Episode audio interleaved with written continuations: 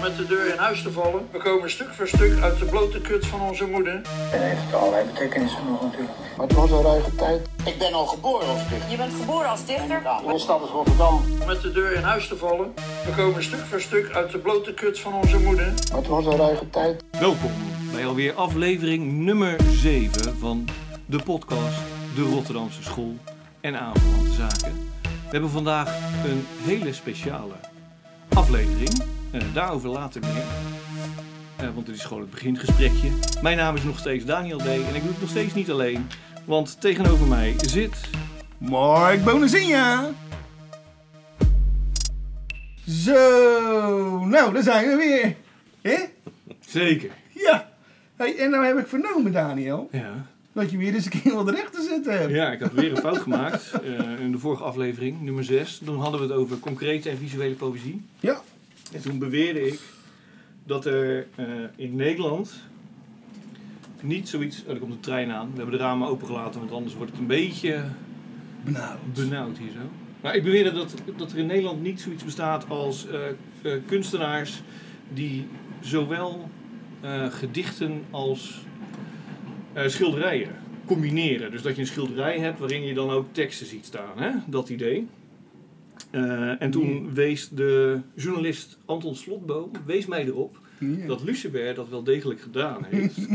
en dat dat schilderij ook nog eens te zien is hier in Rotterdam. Gewoon in eh, de buitenruimte, en namelijk in de Gaffelstraat. Dus in zijweg van de Nieuwe Binnenweg. Ja. Dus ik ben daar gaan kijken en eh, daar hangt inderdaad dat schilderij van Lucebert. En daar staat de tekst van Lucebert op. Het verhaal is zo goed dat het nog lang niet af is. Ja. Ehm, maar ik vind het niet helemaal correct wat Anton zei. Sorry Anton. Want eh, dat staat gewoon netjes boven dat schilderij. Dus dit is niet verwerkt in het schilderij. Dit is dus niet dat je echt een soort visuele hè, eh, maar bedoelde jij, samenwerking krijgt. bedoelde jij dat ook zo? Jazeker. Huh? Ja, nee, kijk naar Basquiat, Jazeker. wat ik vorige keer ook zei. Weet je wel, Basquiat Ja. gebruikte dan wel woorden. En eh, Basquiat is dan is zichzelf nooit dichter genoemd, maar ja, die gebruikt wel woorden in zijn schilderijen. Ja. En in dit geval, weet je wel, het is gewoon netjes ook eh, typografisch. eh, het is niet eh, geschreven of zo, maar gewoon netjes gedrukt. En er staan dan twee regels boven dat schilderij. Ja. Dus, eh, maar ja, wel fijn dat de mensen scherp zijn.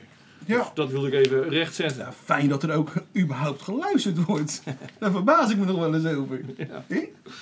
Ja, vooral als we mensen beledigen. Dus, Wie gaan we vandaag eh, te- Ik heb trouwens vernomen, zonder geinen. Ik sprak van de week sprak ik eh, iemand. ja, Ik zeg niet wie. En die kwam op de Poetry Slam van Rotterdam. ja. Frank Fabian van Keren tegen. Oké. Die hadden wij natuurlijk onlangs. eh, hadden we hadden het even over. En dan noemde Ja. ik hem de grootste lul op de social media.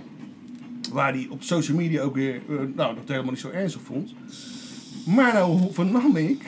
Dat hij daar. dat hij daar dus. eh, nou. Ja, niet heel erg blij mee was. En vooral Nee. ook niet om iets wat jij gezegd hebt. Nee, want hij heeft mij inderdaad ook ontvriend op Twitter. Want Wat heb ik gezegd dan? je hebt gezegd dat hij een light first doet. Oh, daarom heeft hij mij ontvriend. Nou, oké. Laat het zo zijn. Ja, hij is dus, eh, en trouwens, hij dus mee met die Poetry Slam. Ja. Eh, hij lag er de eerste ronde uit. Oké, dat is jammer. Ja, Hij, Amber. hij kan het wel heel goed, dat light first. ja, dat is wel echt ja, dat, zo. nee, dat hebben we toen toch ook gezegd. Want die kwaliteiten, die, die man, die bezit die kwaliteiten. Ja. Ja, goed. En eh, Amber heeft hem gewonnen. Oké, nou dat is mooi. Ja. Hey, moeten we het nog even hebben over... Onze eh, gast. Nee joh, dat... Oh, oh, dat is. Ga ik nou Oh, sorry, sorry, sorry, sorry. Dat we iets speciaals hadden.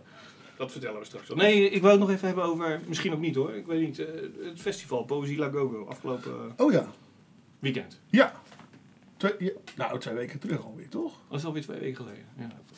Nee, Ja. je, je zal gelijk hebben. Ik. Ja, goed, dat was zoveel. eh, het regende in ieder geval.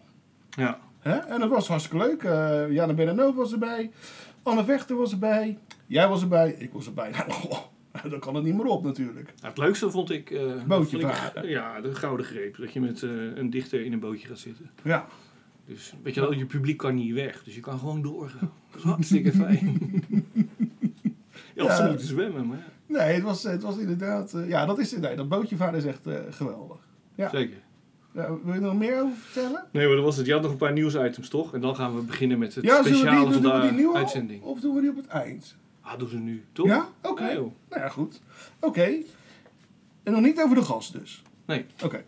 Nou, het nieuws is eh, dat tot 10 oktober is er bij Walgebacht Art in Books in Rotterdam een expositie van kunstenaar en schrijver Hans Citroen. Nou, we hebben laatst, onlangs nog hebben we zijn laatste boek eh, besproken, hè? Auschwitz. Eh Brommer op Zee. Dat is sinds 5 september weer elke zondagavond om 5 half acht te zien op NPO 2. Nou ja, goed, eh, de eerste, nou ja, nu al, al wanneer dit af, online komt, zijn er al twee afleveringen geweest. Maar de eerste aflevering is met dramatische kijkcijfers, 56.000 Ja. en 16.000 in herhaling. Dus ja, daar gaat iets niet helemaal eh, goed. Hè? Dat is jammer, waarom werkt dat niet? Hè? Nou ja, daar hebben we het over. gehad. Nou, ja. Blijf het over gehad. Ja, dat is waar. Toch? Dat moet je mij Nou ja. En we hebben het ook gehad over de Johnny van Doornprijs onlangs. Ja, waar onze gast nooit voor genomineerd is. Wat een schande is, maar we gaan het niet over de gast hebben nu. we hebben het over de nieuwsitems.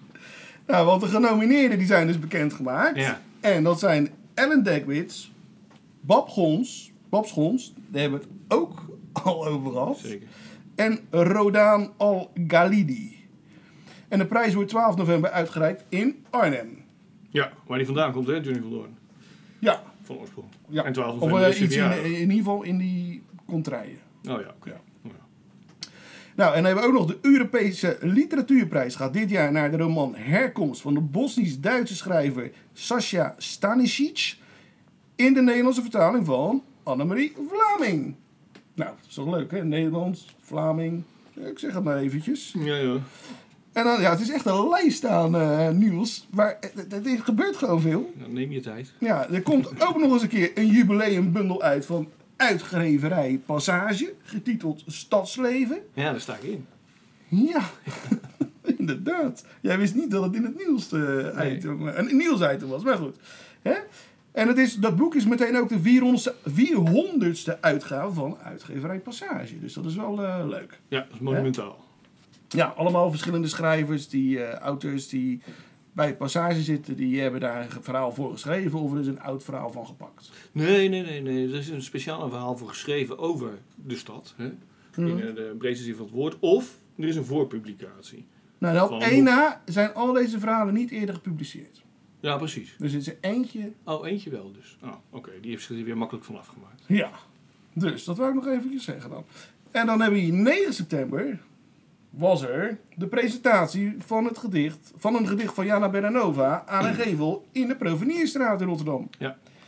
Het gedicht is ontworpen door Saskia van Reden en de werkgroep Woonmilieu. Ja, voordat we vragen krijgen van eh, wie heeft het dan gedaan. Nou Rien, ik heb me voorbereid. Die waren het. Dus er hangt nou een mooi gedicht eh, ja, eh, bij restaurant Doenja, daar zo aan de muur. Ja. En dan het gedicht gaat zo. Wie een brug legt naar een ander, kan altijd heen en terug. Janne Berenova. Mooi. Nou, en dan hebben we het aller- allerlaatste nieuwsitem. En dat gaat over uitgeverij Lebowski. Oh ja. ja, dat gaat ook niet goed mee. Nee, want volgens eh, nou ja, het NRC heeft gemeld dat Daphne de Heer, hè, de opvolger van Oscar van Gelderen, die is vorig jaar of zo plotseling opgestapt. Ja. Hè, eh, bij Lebowski. En die is ook per direct gestopt, dus Daphne de Heer. En vier van de vijf medewerkers eh, die zullen er ook mee ophouden.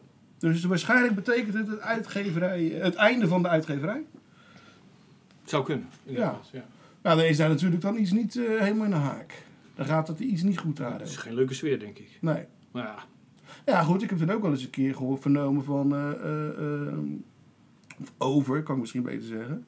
Elver Tromp die zat er natuurlijk ook bij. Ja, die is al weggegaan. En die is ook op hoge poten weggelopen. Want Ja. eh, eh, toen zat Oscar er trouwens nog. Want ze moest een, eh, een, een percentage afstaan van haar eh, voordrachten, van haar performances. Ja, dat is dan een contract dat je tekent. Ja. Ja, ja. Ik weet niet of dat echt in het contract stond, maar eh, boe. het zijn rare dingen. Ja. Goed, nou dat was het. Goed, nou dan gaan we door eh, met het speciale van deze uitzending. Ja, we hebben een gast. We hebben namelijk een gast. Toen wij ooit begonnen eh, eh, met deze podcast hadden we het idee, en we hebben het nog steeds, om de oude garde uit Rotterdam voor de microfoon te halen. Om ze nou ja, te laten vertellen hoe dan dat gegaan is allemaal hier in de stad, terwijl die stad werd opgebouwd, hoe het Ja. culturele leven was. Omdat ze er nog zijn, eh, wilden we ze gewoon nog een keertje even die verhalen vastleggen.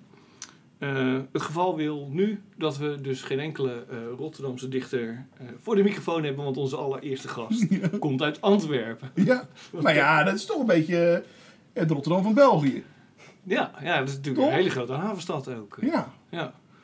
Snap ik trouwens niet hoor, dat ze daar een haven hebben. Dan moeten ze door Nederland varen voordat ze in België zijn. Dat is echt raar. Zij waren En dan, boos groter worden, dan en, wij, dan, en dan boos worden dat we niet eh, die, die, die, die, die zooi uitbaggeren. Oh ja, daar. Maar, Zal, ik, eh, zal ik hem eh, netjes aankondigen Ja. of doe jij het? Nee, doe jij maar. Ja, we hebben niemand minder hier vandaag te gast. Eh, we zullen hem ook interviewen en hij zal gedichten voordragen. Andy Vierens Yay! uit Antwerpen. Schrijver, dichter, performer, geboren in 1976. Opgegroeid in Hoven. Eh, woonachtig in Antwerpen. eh, bekend van eh, de bundels onder andere. Grote smerige vlinder, Wonderbra en Pepperspray. Heeft ook proza geschreven samen met Michael Brijs. De roman getiteld Astronaut van Oranje, een Vlaams epos. Treedt veelvuldig op in Nederland en België. En Zuid-Afrika ook? Tot aan Zuid-Afrika toe. En komt, maar daar zullen we het straks vast en zeker nog over hebben. Eh, binnenkort ook met een eh vinylplaat van eh. Andy en de Androids. Zijn, zijn band eigenlijk. Ehm, heeft eerder ook een, plaat samengesteld ehm, getiteld Boost. Met onder andere de dichters Els Moors, Stijn Franke, Christophe Vekeman en Xavier Roelens. Ehm, zijn uitgever, dat stond op de site, noemt hem het buitenbeentje van de Vlaamse literaire wereld. En hij Ja. zit hier al een tijdje bij ons. Dus geef hem een warm applaus. Andy Vierens, welkom. Yay! Fijn dat je wilde komen. Buitenbeentje van de Vlaamse literaire wereld. Ben je het daarmee eens? Eh, dat, is, eh, dat komt uit zo'n biootje van 20 jaar geleden. Ehm goh, ben ik het daarmee eens? Ja, mensen moeten maar schrijven wat ze willen schrijven. Ik eh, kan alleen maar gewoon mijn ding blijven doen. Ja. Ehm, de bedoeling is alleszins niet om een buitenbeentje te zijn. De bedoeling is om goede gedichten te schrijven. Dus ja, ja. En wat anderen ervan vinden is dan Goh, andere eh, goh, ik vind eh, wat, wat anderen vinden van wat je doet eigenlijk niet zo relevant. Er zijn wel eens dichters die. eh, eh, Ellen Dekwits, naam Ellen Dekwits viel net in. Ik, we waren op een zeker moment samen in Berlijn voor een aantal optredens. En we werden geïnterviewd. En zij zei toen, eh, als ik optreed, dan wil ik eigenlijk blijven doorgaan tot iedereen applaudisseert. En dat wil ik niet. Mensen hoeven niet te applaudisseren. Als ze willen applaudisseren, is het mooi meegenomen. Als ze het niet willen, is het ook oké. Ehm, maar ik treed niet op om mensen te behagen. Nee. Ik treed op om... Ja, Ik doe vraag. mijn ding. Ik, Ja. ik presenteer mezelf. En eh, ik schrijf over de dingen die mij bezighouden. En ja, dat is te nemen of te laten. Ehm, Aan het publiek. ja, De lezers, ja. Tuurlijk. Bedoel, het- vroeger, het is wel regelmatig gebeurd dat er mensen wegliepen. Nu minder. Ik ben ook wat ouder. Ik bedoel, eh, je verandert zelf ook als ook. mens. Ehm, Denk ik. Maar ik vind, eh, ik ga er wel vanuit dat, dat je niet moet schrijven om mensen te behagen, want dan eindig je met teksten die zo'n beetje middle of the road zijn. Ja. Ehm, dan zit er voor, voor iedereen wel iets in. En ik vind een dichter mag ook tegen de schenen stampen. Mag, mag dwars liggen, mag eigen gereid zijn, mag, eh, mag aversie opwekken. Ehm, Maar doe je het daar ook om? nee, dat Of is dan ook weer... Goh, ik, ik denk dat sommige mensen, of als de situatie erom vraagt, zal zeker wel gebeurd zijn. Maar ik bedoel, op, op lange termijn, nee, dat dit is ook niet vol te houden van door de mand. Hè. Ehm, Maar je kan me niet vertellen hè, eh, dat je puur en alleen voor jezelf schrijft. Nee, maar je Dat vertrekt wel vanuit jezelf. Hè? Oké. Je vertrekt wel vanuit jezelf. Maar je zoekt daarna toch ga- een publiek op.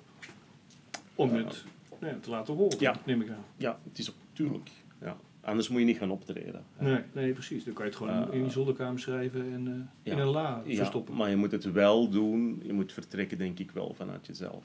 Ja. Ja, je moet eerlijk zijn. Je moet, als je niet uit, je, uit jezelf vertrekt, dan krijg je natuurlijk. ja, dan komt het ook niet over op een gegeven moment. Dan weten mensen dat je een charlatan bent. ja, dan val je door de mand. Ja. Ehm, en dan leer je ook snel. Ik denk dat mensen die beginnen met schrijven, Ehm, ja, in het begin, je probeert van alles, imiteert heel veel mensen. Ik denk, hoe meer je anderen imiteert, hoe meer je een eigen stem gaat vinden. Ehm, maar als je er echt eh, op een serieuze manier mee bezig bent, ga je zelf ook wel merken eh, dat het niet anders kan. Dat Ja. je zelf moet centraal. Ja, ja, eh, dat is eh, waar. Mensen prikkelen op een gegeven moment er doorheen, hè? ja, ja, absoluut. En je zei, hoe meer je imiteert, hoe meer je eigen stem wint. Dat is iets Hoe wat Han van der Vecht ooit eh, tegen mij zei. Ah, wat, ik wel, eh, wat ik wel waar vind eigenlijk. Ik bedoel, eh, het is hetzelfde als je muziek leert spelen. Je gaat eerst bestaande muziek eh, eh, eh, oefenen en veel dichters. Dat is bijna automatisch, denk ik. Veel dichters zullen ook de, de mensen imiteren. De eerste dichters die ze lezen, waar ze van onder de indruk zijn. Ik, oh, zo wil ik ook schrijven. Hoe is dat bij En- jou begonnen dan? Hoe is het bij mij begonnen? Ik Wie waren wilde... de eerste helden? Ik wil In ik, Hoven? ik ben begonnen met schrijven omdat ik een avontuurlijk leven wilde. Ehm, Oké. Maar dat ik ben, komt ergens ik ben, vandaan. ik ben een jaartje ziek Kom jij geweest. van de koude kermis thuis? Eh, ik, eh, ik ben een jaartje ziek geweest toen, toen ik 16, 17 was. Eh, ik heb lang niet naar school kunnen gaan. En dan, ja, dan zat ik thuis. Eh, er was nog geen internet en eh, je moet iets. Dus dan ben ik echt veel, veel beginnen schrijven. Dus de avonturen die ik wilde beleven, wat ik niet kon beleven, omdat ik, eh, omdat ik aan bed gekluisterd was, die, ja, die schreef ik eigenlijk op. Dus zo is het eigenlijk begonnen. En de eerste dichters ehm, waar ik fan van was, waren Paul Snoek Paul Snoek, en later Gust Hiels. Vooral Paul Snoek. Eh, nu nog, daar ben ik altijd een groot fan van eh, en bewonderaar van Paul Snoek. Ehm, en dan, ja, in mijn geval, ik, ik, eh, heel, heel die literaire wereld, ik kwam er zo'n beetje aan, aangestormd. Dat, dat, dat viel toch enorm, enorm hard tegen. Oh ja? en, en dat heeft mij zo'n beetje richting podium geduwd, want dat was niet echt het, het plan. En is Wat, wat, viel er tegen dan? ja, vond het saai, belerend. Eh, ik, ik vond geen gelijkgestemde zielen. Nee. Eh, dat is later allemaal wel gekomen. Maar ehm, ja, en dan, dan ben ik op een bepaalde manier beginnen optreden. En, en dan eh, herkende ik dat bij anderen. En dat waren, dat waren de punkdichters, de oude punkdichters. De dichters uit Epibreren, John Cooper Clarke, Didi de Paris, Elvis Peters, Diana Ozon. Dus die mensen... ehm, Die ook echt goed op het podium stonden. Die Ja. het kunnen laten zien. Ja, Hè? ja, ja, ja. En goed werk schreven hoor trouwens, maar dat te zijn. Ja, ik denk dat ehm, een, een goed gedicht is, is een gedicht dat je zowel kan brengen voor een publiek als iets dat je kan lezen in een, Ja. in een bundel ehm, dat een bepaalde waarde heeft. Dat zei ik ook laatst eh, tegen Bart Droog van de dichters uit Epibreren. Aha. Toen had hij gelijk een voorbeeld van eh, met allerlei wiskundige formules. Hij zei, dat kan je niet voordragen. dus er zijn ook goede gedichten die je niet kan brengen. Is dat zo? Bart, nou, dat weet ik- eh, nou, weet ik niet. Bart heeft sowieso altijd gelijk. Dus, Ja, eh, ja, ja. eh, En hij heeft ook Maar jij altijd een tegenvoorbeeld. Maar jij bent toen een manager of zo geweest van, eh, ik, van eh, de dichters van Epibreren? Ik was, eh, denk ik, in, oh, 19.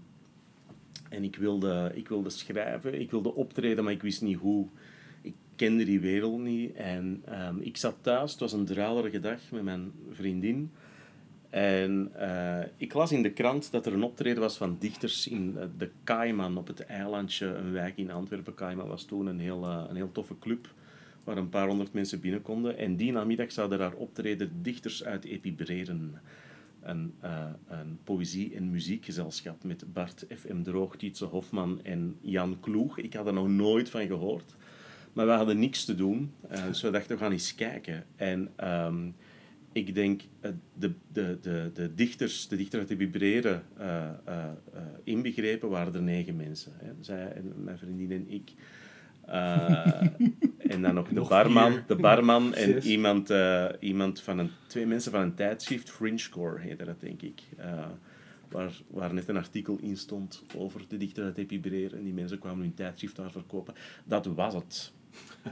En het optreden was, was fantastisch. was iets wat ik eigenlijk nog nooit had gezien. De manier waarop zij muziek en poëzie combineerden, vond ik echt fantastisch. Eh, en ja, ik kon nergens optreden, want ik wist gewoon niet hoe het allemaal eh, werkte. En ehm, ik heb toen... We hebben met elkaar gesproken, we hadden een goede klik.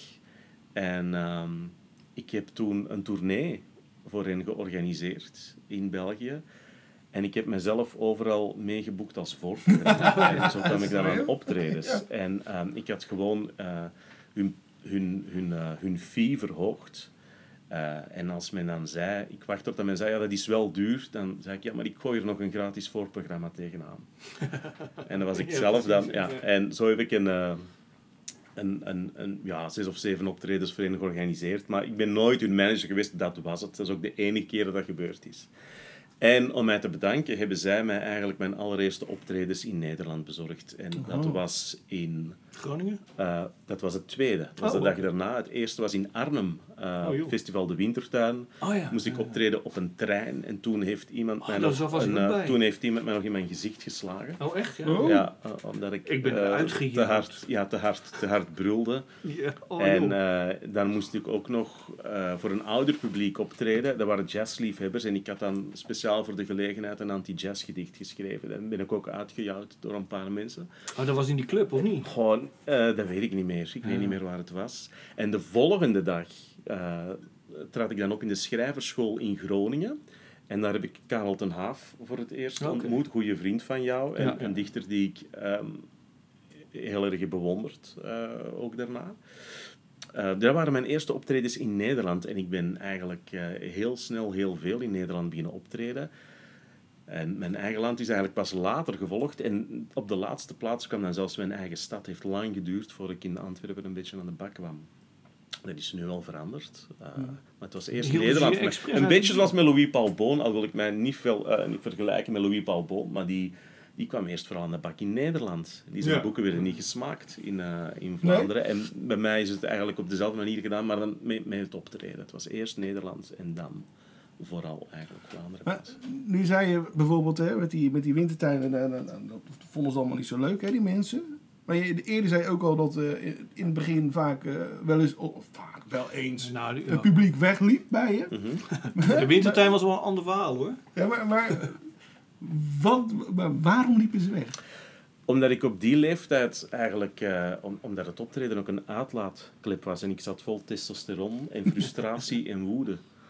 Ehm, en dat speelde heel hard eh, mee en ik was veel demonen aan het bekampen, daarom was ik ook een hele luide dichter. En ehm, met ouder te worden krijg je meer grip op je leven, enfin, ik toch. en en, en eh, komt er ruimte voor andere dingen, ga op een andere manier schrijven. Maar ook niet in iets blijven hangen, sowieso niet. Dus ehm dat is een soort vloeibare beweging. Want hoe zou je. Ik ben eh, nu een heel ander soort dichter. Hoe zou je die ontwikkeling eh, beschrijven? Van, nou ja, de angry young man tot aan... Het is nog steeds De vader? zekere... De vader, Zeker, ja. zeker nog, eh, hoe- ja, zit de nog vader, moeding in je ja, dat is teksten. natuurlijk ook, krijgt kinderen ondertussen. En, eh, want ja, er is meer in het leven dan enkel gedichten schrijven. Er Oh. is zeker nog frustratie en woede, maar het schrijft er ook op een andere manier over. Ehm, ik vind het een aangename ontwikkeling eh, zelf. Of aangenaam is misschien niet het juiste woord, maar het voelt heel natuurlijk aan. Ja. Ja. Maar dus zou je het ook kunnen omschrijven wat er dan precies verandert? In, eh, ik denk, namelijk als ik je werk lees, dat er eh, gewoon meer vakmanschap bij komt. Het is niet zozeer dat die woede Sowieso. verdwijnt. Sowieso. Niet ja. echt. Ehm, ja. Ik heb mezelf erin geworpen, Mhm. zeg maar, zoals wij allemaal. Ja. En ja, op den duur ehm, leer je toch wel. ehm, en dat is heel belangrijk dat je eigenlijk eh, ook gaat ja, leren hoe, hoe een tekst werkt. Ja. Ehm, het belangrijke is niet dat die natuurlijk tot stand is gekomen, maar dat de lezer wel het gevoel krijgt dat hij op een heel natuurlijke... Bij bij een goed ge- ge- gedicht heb je eigenlijk het gevoel van dat het in één ruk geschreven is en dat het er altijd al geweest is. Maar dat hoeft in praktijk niet zo te zijn natuurlijk. En eh Ilja Pfeiffer heeft een keer gezegd, ehm, het gaat er niet om of ik huil als ik een gedicht schrijf, Ja. maar of mijn lezers huilen. Ja. Dus het gaat, hè, ik bedoel, het- ook al is Ja, het persoonlijk, Maar dat is Ilja. Ja. Ilja die zit gelijk... en eh, toch vind ik het een goede tip. Ja, Het maar... gaat erom dat je het overbrengt, toch? Ja, maar hij gaat het gelijk weer zo... oeh, maar- niet om mij, maar om het publiek dat huilt. Ja, ik wil ook niet dat Ilja huilt eigenlijk. Dat, dat, dat wens ik hem niet toe. Nee, hè. Maar je bent ook eh, in het nieuws, eh, eh, een korte bulletintje, eh, eh, had ik het over eh, de Poetry Slam, hè? ja. Jij bent volgens mij de eerste organisator van Poetry Slam in België geweest. Ja, dat was twintig jaar geleden. Maar ik, vond het, ik, vond het, ik, wilde, ik wilde eigenlijk gewoon weten hoe Poetry Slam werkte. En ik heb toen eh, een aantal Europese slamdichters uitgenodigd in Antwerpen. Eh, die daar hebben opgetreden op een, eh, een festival Zuiderzine, waarvan ik dan een onderdeel organiseerde. Ehm, ik heb daarna zelf een paar keer deelgenomen aan Poetry Slams, maar ik vond het eigenlijk totaal oninteressant. Dus ik ben er, Waarom eh, vond je dat? zo?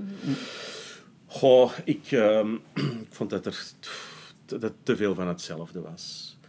Oh ja. Ehm, dezelfde stijl, dezelfde onderwerpen, het- hetzelfde engagement.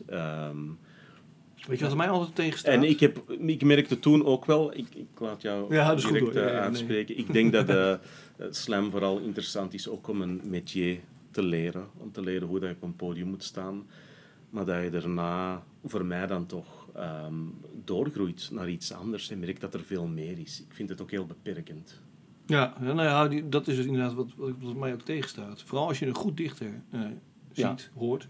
Je moet dan binnen vijf minuten Ja, iets ja. neerzetten. Terwijl soms Ja. het veel leuker is als je iets kan opbouwen. Weet je. Ja, Ja. Ik, Ja. ik vind ook, ik ben al lang van het idee afgestapt dat, eh, dat poëzie een wedstrijd is. Ja, dat is sowieso natuurlijk. Ja. Ja. Ik, ik verbaasde me ook altijd dat mensen boos werden.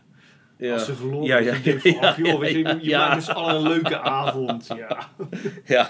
Heb jij er wel eens aan Ik kwam er tien man kijken en dan zat er iemand te janken omdat hij niet gewonnen had. Ja, Ja, dat, dat soort dingen. En dan dacht ik, goh, ja, ik, heb, ik heb toch wel andere dingen te doen. Ja. Ik, heb, eh, ik heb twee keer aan meegedaan. En alleen omdat ik, er-? Rotterdam? ja, maar omdat ik ervoor betaald werd. Hoor. Ik, wat dat betreft Oh. ben ik gewoon een hoer. Als Hey, mensen betalen. dan- Gewonnen of verloren? Eh, die in Rotterdam heb ik gewonnen. Ik heb toen ook nog één keer in, eh was ook via de Wintertuin. Dat was in Nijmegen heb ik meegedaan, die heb ik niet gewonnen. Ah, En daarom ben je gestopt. Nou, Nee, nee, daarna hebben ze me nooit meer betaald. Dus eh, ja, ik ga het niet gratis Nee. doen. Nee, tuurlijk Dus, niet. eh, Nou, ik heb het ook wel eens gedaan hoor. oh ja? Nou, dat was iets niet zo'n succes. nee, het was in het begin een beetje, weet je wel, maar van mijn Nederlandstalige poëzie. En, eh, maar ik verloor dus gewoon van een meid die, die, in het, die het in het Engels deed. Maar ja, Ja. dat mag helemaal niet. Ja, het is natuurlijk, het is, ik, het ja, is dat na- weet je wel. natuurlijk ook zo. Ik, ik zou het nog wel eens doen, soms in het buitenland. Ik bedoel, ik ben op een bepaald moment in Japan gaan optreden voor een slam. Als die vraag komt, dan doe ik het wel. Ik ben dan een week in Japan en ik wilde Japan wel eens zien. Ja, dat snap ik ook. ja. En dan, en doe ik mijn best wel, maar wat ik daar straks al zei, ik vind het publiek eigenlijk niet relevant. En dat is net heel het punt. Bij een poetry slam is het publiek zeer relevant. Het is eh, ofwel die met de beste vrienden, of de meeste vrienden die wint. Precies. Of, of eh, ik heb ook al wel gejureerd hoor, het Nederlands kampioenschap. In welk jaar? Weet je dat? Goh, dat is ondertussen ook wel tien jaar Wie heeft er geleden. gewonnen, weet je dat? Nee, dat weet ik niet meer. Nee. Dus dat was dus niet zo... eh, Nee, maar dan, dan geef ik gewoon mijn mening over, over, over wat ik zie. Het was, het was niet degene die ik, eh, die ik het beste vond, alleszins. Ehm, maar, goh ja, oké, ik vind het... ehm, het, is leuk, het is leuk om iets te doen, maar meer ook niet. Het is... eh, Maar toch vind je het belangrijk genoeg, want je organiseert nog steeds wat dingen. ik organiseer nog, nog, nog wel dingen, ja, maar dingen die ik, die ik echt wil organiseren, die ik, die ik interessant vind. Maar hoe zou je dan, eh, eh, als je dus de Poetry Slam links willen laten liggen, hoe, hoe Maar mensen, ideale avond maar uit? mensen die, die, die, die slamdichter willen zijn, die moeten dat vooral doen. Tuurlijk. Ik, ik, ik, ik kijk daar ook helemaal niet op neer, maar voor mij is het, het is niets waar ik veel mee wil bezig zijn. Maar hoe ziet het er bij jou dan uit? Een ideale avond met dichters? Ik denk dat dat iets is dat je overvalt. Oh, Een ideale avond met dichters, ehm, dat zijn gewoon dichters die komen optreden en hun ding doen. Ja. Eh, ja. Ik wil gewoon verrast worden. Ik Ik zou gewoon en als- ik wil verrast worden. Ik zou er als verrassing eh, blote vrouwen tussen zetten. Ja. Dat is, dat is, dat maakt het wel Het is toch, stukken het leuk. is toch visuele poëzie. Daar ben ik er straks al over bezig. Ja. We kunnen er ook concrete poëzie van maken dan. Maar goed, dat is weer een heel ander verhaal. Dus, Ready-made. We gaan er even een, eh, eh, ik zou bijna zeggen break in gooien, maar dat is helemaal niet waar. Ik wou- zou je willen vragen om even, want ja, eigenlijk was dat een beetje het idee dat hij eerst dan... eh, Ja, ik zat net af te vragen. Vierens eerst Heeft hij dat gedaan of niet? Nee. Ik dacht, ik, ik ga het maar niet vragen. Voor de mensen die je niet kennen en jouw werk niet kennen natuurlijk, zou je een paar gedichten willen voordragen alsjeblieft? Ja, volgend jaar komt mijn nieuwe bundel uit. De trompetten van Tutankhamon. En ehm, ik, zal, ik zal daar een aantal dingen uit voorlezen. Fijn. Spannend. Had toen toen allemaal eh, trompetten? Stonden er toen al trompetten? Wel, toen het graf van Tutankhamon is geopend, meer dan 100 jaar geleden ondertussen, bleken daar meer dan 3000 artefacten in te liggen. En ehm, was Carter zeker? Cameron? Wie, wie, Oh, dat weet ik niet. Nou, in ieder De geval. Het begint met een C. En, en daar volgt de A op. En dan weten we het even niet. Ja. Maar, Eh, en Zoeken we op. en eh, ehm, Howard Carter, denk ik. Eh, Zou best maar anders dan, ja, ik, ik zie de lezersbrieven wel verschijnen. Precies, ja. Rien vroeg in de wei, die luistert altijd. Die corrigeert ons altijd. en anders hebben we tegenwoordig Anton Slotboom. Ook dat. Maar toen die tombe werd geopend, lagen daar duizenden artefacten in. En eh, twee objecten die zijn teruggevonden zijn trompetten. Eh, de trompetten van Tutankhamen, dat waren oorlogstrompetten. En geen trompetten zoals we die vandaag kennen. Met, ehm, Nee, signaalinstrumenten dus, uiteindelijk. je maakte eigenlijk, je, je vormde noten door, door, ja, door de manier waarop je, eh, je moest je vingers niet gebruiken. Dus de, de manier waarop je blaast eigenlijk, die, eh, die de klank bepaalt. En die trompetten die zijn bespeeld op BBC Radio. Het zijn dus de oudst Oh, nog bestaande bespeelbare instrumenten ter Ja, nee, maar, wereld. maar echt die dingen die... Die zijn in de jaren 30 bespeeld op BBC Radio. Daar hebben 100 miljoen mensen naar geluisterd. Heb jij het ook op- gehoord? Ja, die opname staat op YouTube. Eh, Oké. dus als je, als je Oh. intikt de Trumpets of Tutankhamun, dan kan je die, eh, die uitzending kan je dan beluisteren. Na- natuurlijk, eh, kijk, het gaat over een farao. De vloek van de farao is nooit ver weg. En er werd gezegd dat eh, wie, als je op die trompetten blaast, dat er een oorlog komt. En ja, eh, die uitzending op BBC was zes maanden voor Hitler Polen binnenviel. Dat meen je niet. En het, eh, Ja, dat is het, ik- uitgangspunt geworden voor de, de, het, eh, het titelgedicht van de bundel, de trompetten van Tutankhamon, dat er eigenlijk zo'n gevaarlijke oorlogswapens in handen zijn gekomen van een kind van negen, want Tutankhamon was negen toen hij de troon besteeg. Ehm, een, eh, ja, hij was eigenlijk het... ehm, is door zijn vader bij zijn, bij, bij, bij zijn zuster verwekt. Ehm, dus ehm, het is een, een incestkind, zeg maar. Ja. Hij was ook een beetje misvormd. Ik wou net vragen. Als was gevolg het van een, eh, inteelt, want dat was al wel langer aan de gang, denk ik. Ehm, ja, dus dus hij, had, hij had, hij had, eh, ja, hij had pech. Eh, Ja. Dus hij is, hij is niet in een gezond lichaam geboren. Op zijn negen dan de troon bestegen op een leeftijd wanneer kinderen eigenlijk videogames moeten spelen of met eh, Playmobil eh, bezig zijn. Precies. Heb jij nou ook nog verdiept in uh, Tutankhamon? Geintje natuurlijk. ja, ik bedoel, je, Eh. je hebt die titel, dus... eh, nee, Nee, ik was nog even Nee, voor, voor, grapje, voor, maar- voor we verder gaan. En hoe klonken die, eh, die trompetten? Daar ben ik benieuwd Nou naar. ja, ik zal, schel. zal ik ze Ja. opzoeken en gewoon ehm, nu... Ja, het klinkt Laten anders. Het, je, hebt, je hebt niet het gevoel dat Chet Baker aan het spelen is of Louis Armstrong. Nee, Dus, nee, nee, maar je kan het zeker opzoeken.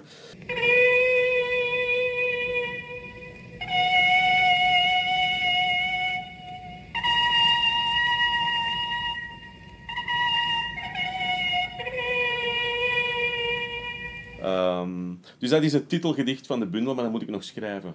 Oh, oké. Dus ik hoop Ja. dat het lukt, eh, want anders gaan eh, mensen vragen, maar waarnaar verwijst die titel dan van die Ja, bundel? precies, ja. ja. Want Die ligt nu wel vast. Ja. Nou, het is, nou, ja, weet Wat je, wordt de je- insteek je dan hebt van er wel, Ehm, ja, kijk, dat zullen jullie volgend jaar zien als de bundel Nou ja, verschenen is. Die is flauw. Ja, dan zullen er nog wel volgen, die flauw zijn. Oké, maar ik zal dan een paar andere dingen ehm, ehm, eh, voorlezen. Eh, misschien eerst een over gedichten zelf. Een, een, poëtica, een poëticaal gedicht als het, eh, als het ware. Mijn eerste, denk ik. Daar had Bart altijd een hekel aan. Gedichten, ja. Gedichten zijn gevaarlijk. Het gedicht vangt aan met een explosie die alle lezers doodt. De enige overlevende is een jonge vrouw die slechts gespaard blijft omdat ze de openingsregel niet begrijpt. Het is een postmodern gedicht. Ze wordt opgevoerd in talkshows en zit als studiogast in het journaal om er te praten over de emoties die ze voelt bij destructieve vers. Hoe kon dit gebeuren? Vraagt iedereen. Het had niet eens een titel. Het had geen leestekens, nog hoofdletters en het rijmde zo schattig. Inderdaad, zegt de vrouw. A, B, A, B, C, D, C, D, E, F, E, F, G, G. Terwijl zij zich luidop verbaast over het feit dat ze het rijmschema kent van een gedicht dat ontplofte voor het zich volledig kenbaar kon maken, worden haar stappen kwadrijnen en gaan haar benen op haar armen rijmen. Haar ogen krijgen ritmiek en haar borsten zijn plots witregels geworden. Ik, oh, ik, ik, ik, ik, ik ben het gedicht geworden, stamelt zij. Het gedicht explodeert ten tweede male, nu als jonge vrouw. De impact kilt deze keer alle poëzie-minnende kijkers. De conclusie is duidelijk. Gedichten zijn gevaarlijk. Ze horen hoogstens thuis op de dissectietafels van geharde academici. Lees ze niet. Lees ze niet als je leven je lief is. Zit jij nou op te tikken? Een kopje thee. Oh, een kopje thee. hè? Voor mij nog een kopje thee. Ja hoor, zeker. Lekker. Ik, ik, ehm, ik wilde eerst iets, vrolijk, iets vrolijks voorlezen, maar daar heb ik eigenlijk geen zin meer in. Oh, dat komt dat door de setting De vragen ook helemaal niet vrolijk tot nu toe, dus ik zal... eh, Of er ooit iets leuks is in Rotterdam. eh, dit is een nieuw gedicht. Het zal ook op de plaat komen van Andy and the Androids. Het zal ook in de bundel verschijnen. Ben jij, sorry, mag ik even onderbreken? Ja. Want jij had het over van, eh, hè, je zag eh, eh, de dichters uit epibreren, aha. hè, eh, muziek en, eh, maar ben je daardoor, en, en poëzie, ben je daardoor ook echt, ehm, zijn hun, ben je door hun ook poëzie met muziek gaan mengen? Of- Nee, eh, maar ik vond het wel zeer goed. Ehm, dus ik had al wel aangemodderd eh, met muzikanten toen ik 16, 17 was, Mhm. eh, met, met gedichten. Dus ehm, dat had ik al gedaan, maar het was niet van de grond gekomen. En toen ik hen leerde kennen, speelde ik al met een muzikant ook, Nicola Rombouts, die eh, later Desmona heeft opgericht eh, en die nu bij heel veel verschillende bands eh, speelt. Die contrabassist. Ja, Ja, ja precies. Ehm, dus, maar we hebben een drietal jaren samengespeeld. Daarna heb ik heel lang niet meer met muzikanten gewerkt. En dan in 2006, 2007 heb ik Andy and the Androids opgericht. Ehm, wat eigenlijk een band is. Ehm, ik moest daar straks nog denken, want jij, zat, jij werkte ook met muzikanten samen klopt. vroeger. Geschmackversterker. ja, daar heb ik ook mee samengewerkt. Ja, ja. Ik herinner Heel me kort, als tiener, eh, tiener dat ik daar nummers van hoorde op, op eh, Studio Brussel. Oh ja, oké. Eh, ja. Toen Studio Brussel nog te beluisteren was. Ehm Mooie verschrikkelijk. bak herrie. Oh, ja, ja maar dat, ik weet nog dat ik dat heel goed vond. En ik kende jou toen nog niet. Ehm, maar want ik weet niet, waar jij, schreef jij de teksten voor in? Of, eh? Ja, nou ja, nou ja, in het samenwerkingsproject. Ik weet nog dat ik dacht, is het ook wauw, die zelf gedaan, teksten. eh. Oh. Dus, Eh, eh, Nou, ze- dan zal het wel daarvoor geweest zijn. Nee hoor. ik weet echt niet eens of ze nog bestaan, moet ik eerlijk zeggen. Dus ik heb altijd graag met muzikanten gewerkt. Ja. Eh, ehm, en het was niet iets, want ik heb het op een heel andere manier gedaan. Dus wij maken een heel andere muziek. Maar ik vond wat zij wel deden zeer, zeer goed. En zij waren volgens mij ook de eerste, of, of zij waren degene van, ik, van wie ik dacht, dit zou wel eens kunnen doorbreken naar een groter publiek. Want ze waren heel gedisciplineerd, ze waren heel sterk. Het was heel krachtig, het was heel rauw. En het Dus is een dan... show ook echt. Het was, ja, en, en dan is het volledig ingestort. Ja, toch wel. Ja. Volledig. Ja, de- Volledig. zonde. Ja, Jammer. echt spijtig. Ja. Nou Dus ja. ik denk dan, zet die ego's opzij of, of, of hoe Dat het ook gegaan is. En, en, en, eh, Ja. en begin gewoon opnieuw. Maar zo simpel is het Ja. natuurlijk niet. En ik heb mijn eigen band opgericht in 2006, 2007, Annie and the Androids. Eh, we hebben dan een aantal jaren eh, opgetreden en, en, en gewoon nummers gemaakt, gebaseerd altijd op mijn gedichten. Eh, we hebben dan vrij intensief getoerd. We hebben heel leuke festivals gedaan, ook Lowlands en dergelijke. Dus dat lukte allemaal. En het kwam op een punt dat het, dat het zo goed begon te lopen, dat ik zei, jongens, nu wil ik eerst een plaat maken, voor we verder gaan. Ja, precies. Dan zijn we aan die plaat begonnen. Eh, en toen heb ik ik een hersenbloeding gehad. Op mijn 32 ben ik eigenlijk eh, vrij lang buiten strijd geweest. En toen ik het dan opnieuw wilde oppikken, opstarten, waren er te veel andere projecten voor iedereen. En hebben we wel geprobeerd, maar er was helemaal geen ruzie. Maar het, ehm, het liep dan toch strop. En ja, het, het, het is dan blijven liggen. Tot ik vorig jaar de vraag kreeg om op te treden op Jazz Middelheim. En eh, ze zeiden, je zit ergens in een blok eh, waar ook ruimte is voor muziek, heb je een voorstel. En ik dacht, dit is misschien het moment om de Ja, terug... Want drie jaar geleden hadden we ook al geprobeerd om het opnieuw op te starten. Eh, en dan was het opnieuw niet gelukt. En ik dacht, nu moet het wel lukken. En lukt het? ja, Ja, we, hebben een, Ja. we, hebben, we, hebben het, we hebben het gedaan. En het is zo goed meegevallen dat we besloten van nu maken we echt de doorstart. En vanaf dan zijn we wekelijks beginnen repeteren. En volgend jaar komt de plaat uit. Ja, dus de studio is geboekt. Ehm, En wordt het dan werk dat jullie al vaker op podium hebben gedaan? Weet je, als Shoot the Horse? En, eh, nee, nee, het, nee. eh, het wordt allemaal nieuw. Echt wel, oké. Op één of twee dingen na misschien. Ja. Ja, het, is, het wordt nieuw. Ehm, en het is gewoon veel beter. Ook, vind ik zelf. Ja, ja, Eh, ja. ja, ja. Ah, tof. Heel benieuwd. Ja. Ja. Ja. Ehm, en onder andere het gedicht dat ik nu voorlees ehm, is iets dat op de plaats zal verschijnen. Ehm, het heet Tot de maan naar de wolven huilt. Het verhaal achter dat gedicht is misschien wel leuk om ook te vertellen. Ik keek naar die, die documentaire van Werner Herzog over ehm, Klaus Kinski, mijn, Oh ja. mijn, eh, mijn liefste find. Ik weet niet of jullie die ooit gezien hebben. Het is een fantastische documentaire. Nee, documentaire heb ik nooit gezien. Nee. Dat is Ja, hij fantastisch. staat op Netflix volgens mij. Maar Klaus Kinski was een Duitse acteur. En ja, volledig uh, krankjoren. Geniaal, maar, Ja. maar, maar, maar knettergek ook. En Ik bedoel wel enigszins verwantschap. nee, maar het is, het is, het is, het is heel, heel interessant. eh, heel boeiend figuur. eh, maar ja, totaal, je zou hem niet als buurman willen. Of als, of, als, eh, of als familie of als vriend. Het is gewoon iemand die ook leegzuigt. Maar, maar fenomenaal acteur. Een vampier. En die, eh, er zit een, een, een audiofragment in die documentaire waar hij een, een gedicht voordraagt. Je hoort maar twee zinnetjes. En, eh, Van zichzelf? Of... Nee, wel, Oh, dat was me niet duidelijk. Dus ik ben het gaan opzoeken. En het bleek een, een eh, gedicht te zijn van François Villon. Ehm, een Frans dichter die 700, 800 jaar geleden leefde, die ook een crimineel was. Eh, wie ook heel veel met François Villon is bezig geweest de laatste jaren, bijvoorbeeld Peter Holvoet Hansen. eh, die ik een geweldig dichter vind. En Misschien wel een van de beste van de Lage Landen. En die eigenlijk veel meer aandacht verdient. Ehm, Krijgt hij in Nederland wel, hoor. Er zijn ook wel mooie maar niet genoeg. over. Nee, niet, niet, vind niet, ik ook. niet genoeg. Trouwens, jullie hadden het over de, eh, de, de Johnny van Dorenprijs, die opnieuw terugkomt als de Johnny. Die Ja, daar echt ja. voor genomineerd had moeten zijn. En zeker nu het uitgangspunt blijkt te zijn, het is een dichter die mensen samenbrengt, dan kan je eigenlijk niet heen om Peter Holvoet Hansen. En dat die er niet tussen staat, dat is, dat is niet alleen onbegrijpelijk, dat is eigenlijk schandalig. Maar oké, het is zo.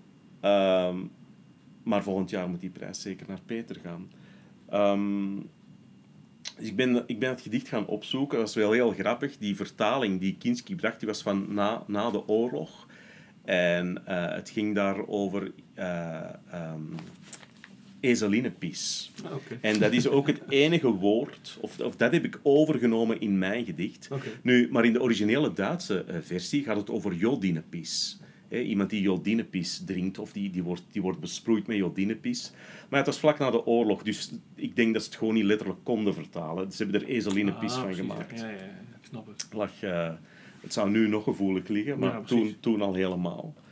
Ehm, en dat is eigenlijk de aanzet geweest tot dit gedicht. Ehm, die tekst van François Villon, die eh, Klaus Kinski daar voordraagt. Tot de maan naar de wolven huilt. Mijn bloemen verzoop je in een vaas vol ezelinnenpis. Dus doop je pijlen maar in paddengif en zeg het. Kom, spuw het uit in mijn gezicht. Kook me stuk in smeltend chroom en pomp mijn longen vol met gist. Bestook me met het fosfor van je nijd. Wrijf het er maar in. Dump je mesthoop in mijn bek. Ik weet dat je het wil. Smeer mijn ogen in met bokkenzaad en vleermuisgal. Sleur me door een bad vol Portugese oorlogsschepen, want is dat niet wat ik verdien? Smoor me gaar voor kannibalen. Kom, doe het, zeg het, prik me lek met de scherpste haviksbek. Kap mijn wonden vol strychnine en arsen. Vooruit, pleur een vishaak door mijn lip. Doe me ouwe zeugen muilen, smeer volle luiers op me uit. Draai de kwelpeer open, tot ik om genade bid. Smeer me in met honing en trek me door het mierennest. Breek mijn rug met kreeftenscharen. Knijp etterbuilen van senioren op me uit. Noem dat een begin. Maar zeg het. Neem mijn schoen en steek er schorpioenen in. Ontman me met de blote hand. Hak met bijl en pik mijn merg uit. Want is dat niet wat ik verdien? Roep je vreedste kankervloeken af. Voer me rattendrek. Doop mijn tong in voorkramers eczeem. Maar zeg het. Bind me vast en laat me naast een bron creveren van de dorst. Je ouders staan al klaar om op mijn graf te schijten. Heb daar schik in. Streel mijn lid met prikkeldraad. Kom hier, mijn lieveling, met die cyanidepil. Kijk me aan en zuig mijn vader af tot de maan naar de wolven huilt, tot de aarde naar de sterren valt. Dresseer mijn zonen, stuur ze als kindsoldaten op me af. Voer me op als olifantenman. Duw maden in mijn neus, ontsteek vuurwerk aan mijn oren. Knoop me aan mijn eigen darmen op. Laat me verteren door vleesetende parasieten, maar terg mij niet. Terg mij niet en zeg het. Wauw. Bravo! ja, nee, zonder rijmen. Zullen we eens even... Genieten, toch? Ja, zullen we er eens even academisch op ingaan? Ik, ik zal mij even eh, verwijderen. nou nee, wat me opvalt, als dit, eh, je hebt nu twee gedichten uit je nieuwe bundel ehm, voorgedragen. En eh, even En dan thee moet even pakken. thee pakken. Als dit zeg maar de teneur wordt van je eh, nieuwe bundel, wat me dan opvalt is, in tegenstelling tot je andere bundels, nou, dat- de twee die ik ken, Aha. Ehm, dus ben je nu afgestapt, lijkt het in ieder geval, van de, eh, nou ja, wat, wat je in je vorige bundels nog wel eens deed. eh, woorden samenstellen, woordgrapjes en zo. Het is nu ehm, meer, is dat bewust, bewust gedaan? Meer recht toe recht aan. Dus het zijn niet meer eh, de kwinkslagen, zeg maar. Mijn laatste bundel dateert van zeven jaar geleden en ik ben Ja. wel een ander soort schrijver geworden. Ja, toch wel, hè? Dus al hier en daar ehm, er, zitten, er zitten nog grappige passages in, maar het is wel een ander soort boek geworden. Nou, het is nog steeds ik- schrijf, eh, en ik schrijf veel ehm, gevarieerder en diverser. Eh, dus er zitten echt verschillende soorten gedichten in. Ja. Er is ook niet één thema, maar er zitten wel thema's in. Het, het, ehm, het, ik heb een aantal gedichten over vaders geschreven, eh, bijvoorbeeld. Ehm, dus het is een heel ander soort bundel en ik vind het zelf ook mijn beste bundel. Ja, nou, dus dat moet ook de insteek Totdat zijn. hij, uit, is- eh, totdat hij uit is gekomen. Misschien. Nou, misschien vind je dan nog steeds de je beste moet bundel. Ja, natuurlijk je beste altijd, bundel, maar... als eh, men vraagt eh, wat is jouw beste bundel of wat is jouw beste boek, dan zeg je altijd het volgende. Want als je dat niet zegt, of als je niet geneigd bent om dat te zeggen, dan is het beter om dat boek niet te schrijven. Nee, maar ja, ik, ik, zei het ook verkeerd. Maar misschien, eh, eh, ik bedoel eigenlijk van, weet je, al- als ik een, een bundel van mij uitkomt, weet je wel, voordat die uitkomt, ben ik heilig van overtuigd van ieder gedicht. Ja. Totdat ik hem in mijn handen heb. En dan moet ik ergens gaan voordragen of wat dan ook. En dan blader ik, dat is niet goed. Die is niet goed. Dat is niet goed. Dan is niks goed meer. Ik lees nauwelijks nog, nog oude gedichten voor. Dus als ik nu optreed, ja, afgelopen jaar was het natuurlijk ook bij mij een pak minder.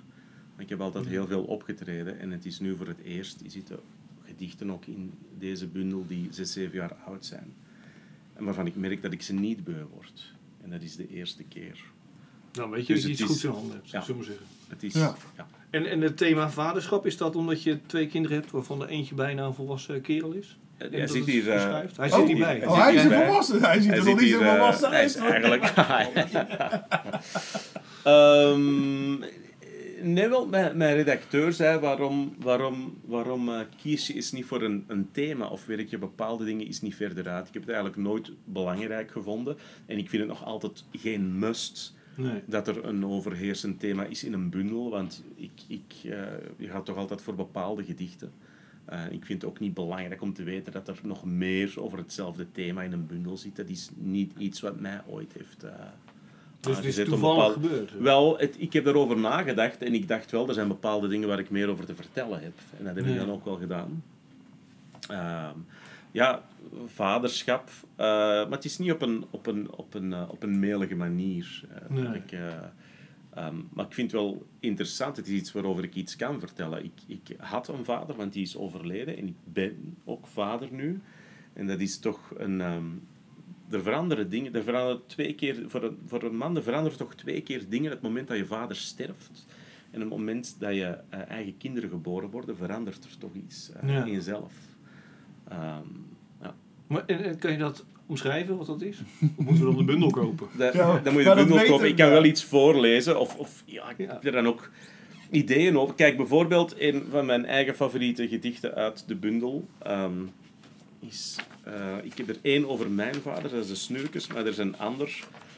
Ehm, ik dacht, ja, eh, kinderen die, die, komen, die komen uiteindelijk... eh, ik zal het hem nu maar zeggen, want hij zit erbij, uit, uit papa's zaad. Eh, eh, maar er is maar één zaad. schrikt ervan. Er is maar, er is maar één Hij zaadcel. juichen, hè? Er is er altijd maar één die het haalt. Hè. Er is een ongelooflijke co- concurrentieslag. Er zijn er miljoenen die naar de eicel zwemmen en eentje. En dan, dan dus enerzijds, ja, wat gebeurt er met al die anderen? Dat is, het is een beetje kindermoord. En dan is- zijn er ook nog de fases dat je alleen bent en dat je tijd doorbrengt in het masturbatorium. Eh, en eh, dan wordt er ook heel veel zaad verspild en dan haalt er geen enkele. hè. Nee, Dan haalt er geen enkele de eindmeet. Hè. Dat is eigenlijk, dat is eigenlijk massamoord. Dat zijn pol, pol, pot toestanden. Ja, die zijn er jaloers op zijn. Wat had jij nou eh, laatst op Facebook geplaatst? Dat eh eh, pijp is eigenlijk gewoon cannibalisme, toch? Dat had jij. Ja, nou ja, wat was het nou? eh, Als Abortus eh kindermoord is, dan Ja, is dan- pijpen cannibalisme. Ja. Bob Hope eh, zei ooit, eh er is een one-liner van hem, I thought Deep Throat was a movie about a giraffe. Ehm, maar, ehm, maar, maar daar heb ik een, een, bijvoorbeeld een vadergedicht over geschreven. Dat wil ik ook wel voorlezen voor ja, jullie. Ja, ja, leuk.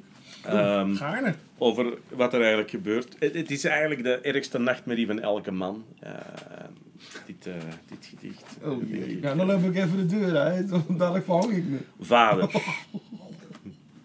De tafel was gedekt voor twee. Het vlees was mals toen er werd aangeklopt. Wie daar? zei mijn vrouw, terwijl zij wegkeek en haar handen waste. Ik opende de deur. Zij waren met velen. Tot aan de horizon vulden zij het landschap. Ik wist wie zij waren al had ik hen nooit eerder gezien.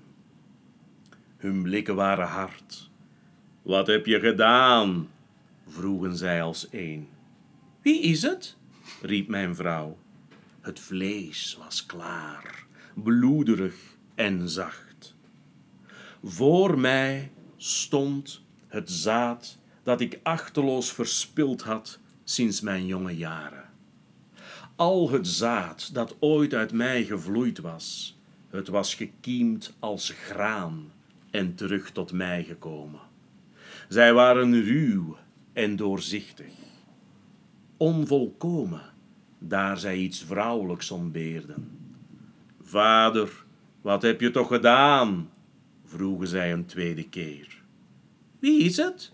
riep mijn vrouw. Ik trok de deur wat verder dicht. Verlamd keek ik het aan, dat rusteloze zaad van mij. Het is ingewikkeld, zei ik hen, want ik was een man en laf. Rood aangelopen dacht ik aan het leven dat mij door de vingers was geglipt. Vader, waarom? vroegen zij naamloos en naakt. Ik slikte diep, het hielp niet. In nevelslierten zag ik toen hoe zij aanvingen te vervagen. Ik bleef staan tot ik zeker was dat alle sporen waren uitgewist. Daarna ging ik naar binnen en sloot de gordijnen. Wie was het? vroeg mijn vrouw. Zij sneed het vlees dat roze was. Ik kauwde veel te lang en zei haar dat het lekker was, zo mals en zacht. Mijn vrouw herkende mijn lijden niet. Zij had haar eigen kruis te dragen. Die nacht, terwijl zij sliep, woelde ik en zuchtte diep. Moedeloos stond ik recht en telde de blaren op mijn handen. Toen ik er met een naald in prikte, bleken ze gevuld met tranen. Het was een werk van jaren. En ik denk, eh, ik denk dat Daniel het heel herkenbaar vond, want die zat de hele tijd te slikken, zag ik. Ja, ja. Nou, ik zou- dacht vooral inderdaad, je zou ze allemaal maar een naam moeten geven, joh. Ja, hè? Zo, dan ben je Ja. bezig. maar ik moest inderdaad het een en ander wegslikken. maar, eh, Maar dat is dus een vadergedicht. Ehm, ja. Ja. En ze komen in alle soorten en maten. Het, het gedicht over, over uh, Tutankhamon is eigenlijk ook een, een vadergedicht. En het vorige gedicht dat je nee, hiervoor dus las, eh, kwamen ook vaders in voor. Ja, en ik heb er nog één. eh, eh, en dat is dan eh, werkelijk gebaseerd op ware feiten. Want ja, dit, dit, dit is nu niet iets dat echt gebeurd is. Dat begrijp je wel, Daniel. Ja, nou ja, Ja. het, het Maar was ik wel heb- zo ik- levendig ik heb wel- beschreven mijn- dat mijn- ik even dacht... eh, Mijn vader is ondertussen 13, veer- 14 jaar geleden gestorven. En eh, een aantal jaar daarvoor had ik een radioprogramma op Radio Centraal in Antwerpen. Een programma dat ik een tiental jaren eh, had met, een met een vriend. En de Show zonder naam show heette dat programma. En het gebeurde wel eens dat ik heel vervelende studiogasten had. En wat deed ik dan? Ik had, eh, mijn vader die snurkte heel hard. En ik had, eh, ik had zijn gesnurk opgenomen op een bandje. Echt zo'n half uur. En als die mensen mij irriteerden in de studio, als ze echt lastig waren, dan zette ik op de achtergrond het, eh, het gesnurk op als zij, als zij aan het vertellen waren. Maar een paar jaar later is mijn vader gestorven en nu, het, het, als ik mijn vader zijn stem wil horen, eh, zeg maar, dan moet ik luisteren naar zijn gesnurk. Want het is de enige opname die Oh, ik heb van mijn vader. ja, Ja. ja. Ja. Ik heb het nooit meer opgezet, maar ik heb het nog altijd. Durf je het wel? Om het op te zetten, zeg maar? Ja, maar dat was op minidisc. Een minidisc Ah, was toen heel populair. Ja, ja, precies. goh, ik Ja. denk zelfs Ja, aan dat een was, toestel. eh, ja, goh, ja, ik wil het nog wel iets horen. Het, is, ja, het gaat wel de hele tijd hetzelfde zijn. Ja, Zo. ja, ja. Dat zou voor En jou misschien af en toe eens... Ja. En, en, en dan Ja, verder. precies. hè. Hoe lang zijn we eh, bezig? Wat gaan we doen? Ik heb, Ik heb, echt nog ik, wel... ik, ik heb de, de, Ja, de jullie, in- jullie intro duurde al drie kwartier. ja, dat ging ook maar door, joh. Daar moeten wij echt iets aan doen. Wij zitten aan Dacht 57 ik minuten. 57. Ik had nog wel even één vraag, want ehm, nou, toen wij mailcontact hadden, vertelde je dat je ehm, een, eh, een show hebt geschreven voor ehm, queer performers. Noem je Ja. dat zo? Ja. Een, een drag queen. Drag queens. Ja. Wat moet ik me daarbij voorstellen? En hoe is dat gegaan? En wat heb je gedaan? Dus ja, de basis van alles wat ik doe is, is het dichterschap. Alles vertrekt bijna vanuit gedichten. Uh, maar met de jaren ben ik ook uh, een aantal andere uh, dingen gaan doen die vertrekken vanuit taal. En waar toch altijd wel een poëtisch element in zit. Dus ik ben... Um, ik heb mijn band opgericht, Annie and the Androids. Ik ben theater gaan schrijven. Ik heb een koor opgericht, samen met Michael Brijs, met wie ik de roman Astronaut van Oranje heb geschreven. Dat koor heet De Bronstige Bazookas. Ja, De Bronstige Bazookas. En wij maken oratoria. En ik schrijf de libretto's voor dat koor. En ik, uh, ik ben een soort verteller ook. Uh. Um, en af en toe, als de vraag komt, dus meestal schrijf ik voor mezelf, maar af en toe komt er een vraag om iets voor iemand anders te schrijven. En als, ik het, als het mij interessant lijkt, dan doe ik het. Interessant betekent voor mij iets waar ik eigenlijk niks van af weet. Als het een nieuwe wereld is, dan vind ik het interessant. Ik heb wel eens het verwijt gekregen uh, van iemand die... Ik had ergens een, groot evenement gepresenteerd voor, voor 1000 of 1500 mensen. ik had, er zaten veel politici in de zaal en ik had er een aantal echt uh, aangekondigd met citaten uit Suske en Wiske albums. En werd mij niet in dank afgenomen. En een van die mensen kwam nadien tegen mij zeggen van als je er niks van kan, waarom doe je het dan? En ik vind eigenlijk eh, het, het, het enige, eh, als, er, als, er, als het gaat over eh, eh, open hartchirurgie of zo, daar weet ik niks van af, daar wil ik ook niet aan beginnen. Want dan kan ik mensen in grotere problemen brengen dan ze al hebben. Maar, maar als het gaat over, over, ehm, over het creëren en, en, en ik krijg de kans om iets te doen waar ik echt de ballen van af weet, dan denk ik ja, graag. Want dat is iets nieuws en wat nieuws is spannend. En, en, en ja, spanning is, is gewoon heel... eh, En toen kwamen die, die en drag ik, queens wel, ik kreeg eigenlijk eh, drie weken geleden een telefoontje vanuit het niets, of een mailtje eerst. En dat was eh, de Drag Agency uit Amsterdam, dus een agentschap voor drag queens. Oké. En die zeiden, ja, wij hebben hier een diva, Cedergine. En die, eh, die moet eh, volgende week optreden. Die moet een show van een uur brengen in Theater Amsterdam. Twee keer 1500 toeschouwers. Zie je het zitten om die show te schrijven? maar nog geen show. Zie je, ja, zie je, zie, ja, het was blijkbaar allemaal last minute. Het was, eh, het was, het was allemaal uitgesteld door corona-gerelateerde Ah, toestanden. Ehm, Ja. zie je het zitten om eh, een show te schrijven? Ik dacht, ja, Jesus, op een week. Eh, Ja, een uur is ook lang. een uur is ook heel Ja, lang. Eh, dus ik heb, eh, ja, er waren nog tien dagen. Dus je hebt ja, dan nog. dus, dus 50 minuten dans. Eh, ja, hedendaagse dans. Ja. Eh, dan moet je niet te veel repeteren. Maar, eh, nee, du- dus ik, ik, heb, eh, ik heb met haar gebeld. Ze bleek, ik dacht dat het een Amsterdamse drag queen was, maar het was een Antwerpenaar. eh uh, Cedergine, of een Antwerpse. En ehm, ik zeg, oké, we spreken eens af. We hebben tien minuten met elkaar gepraat en we hebben beslist, oké, we doen het. We gaan een- show maken van een uur op een week tijd. Ja. Ehm, eerlijkheidshalve, er zaten eh, vier, vier liedjes in, routines die ze al deed. Dus we moesten de stukken daartussen opvullen. Ehm, We hebben nog steeds drie kwartier. ja, dus we hebben er een, een, een- ja, een soort van eh, een conferentie van gemaakt, bijna eigenlijk. En ze vertelt over haar leven en hoe ze tot op dit punt is gekomen. Mhm. En we hebben elke dag, we hebben vijf dagen lang geschreven. En we begonnen s morgens en we wisten, we moeten een stuk maken daarover, stuk daarover, stuk daarover. Het moet zo lang duren. Dat is telkens gelukt. En s'avonds heeft zij het gerepeteerd met een regisseur. Zware dagen. En dan, nog, eh, ja, en dan nog twee volle repetitiedagen ben ik er gaan bijzitten met de regisseur. En toen hebben we het gewoon gedaan. Eh, De Het is een- voorstelling. ja, ja, en ze heeft het geweldig gedaan. Een soort biografisch verhaal dus, dus- uiteindelijk. Ja, zij is begonnen, dat is wel heel grappig, maar ze heeft ook, ja, ik bedoel, haar leven, eh, de dingen die ze gedaan heeft, zijn, eh daar kan gewoon ook heel veel rond verzinnen.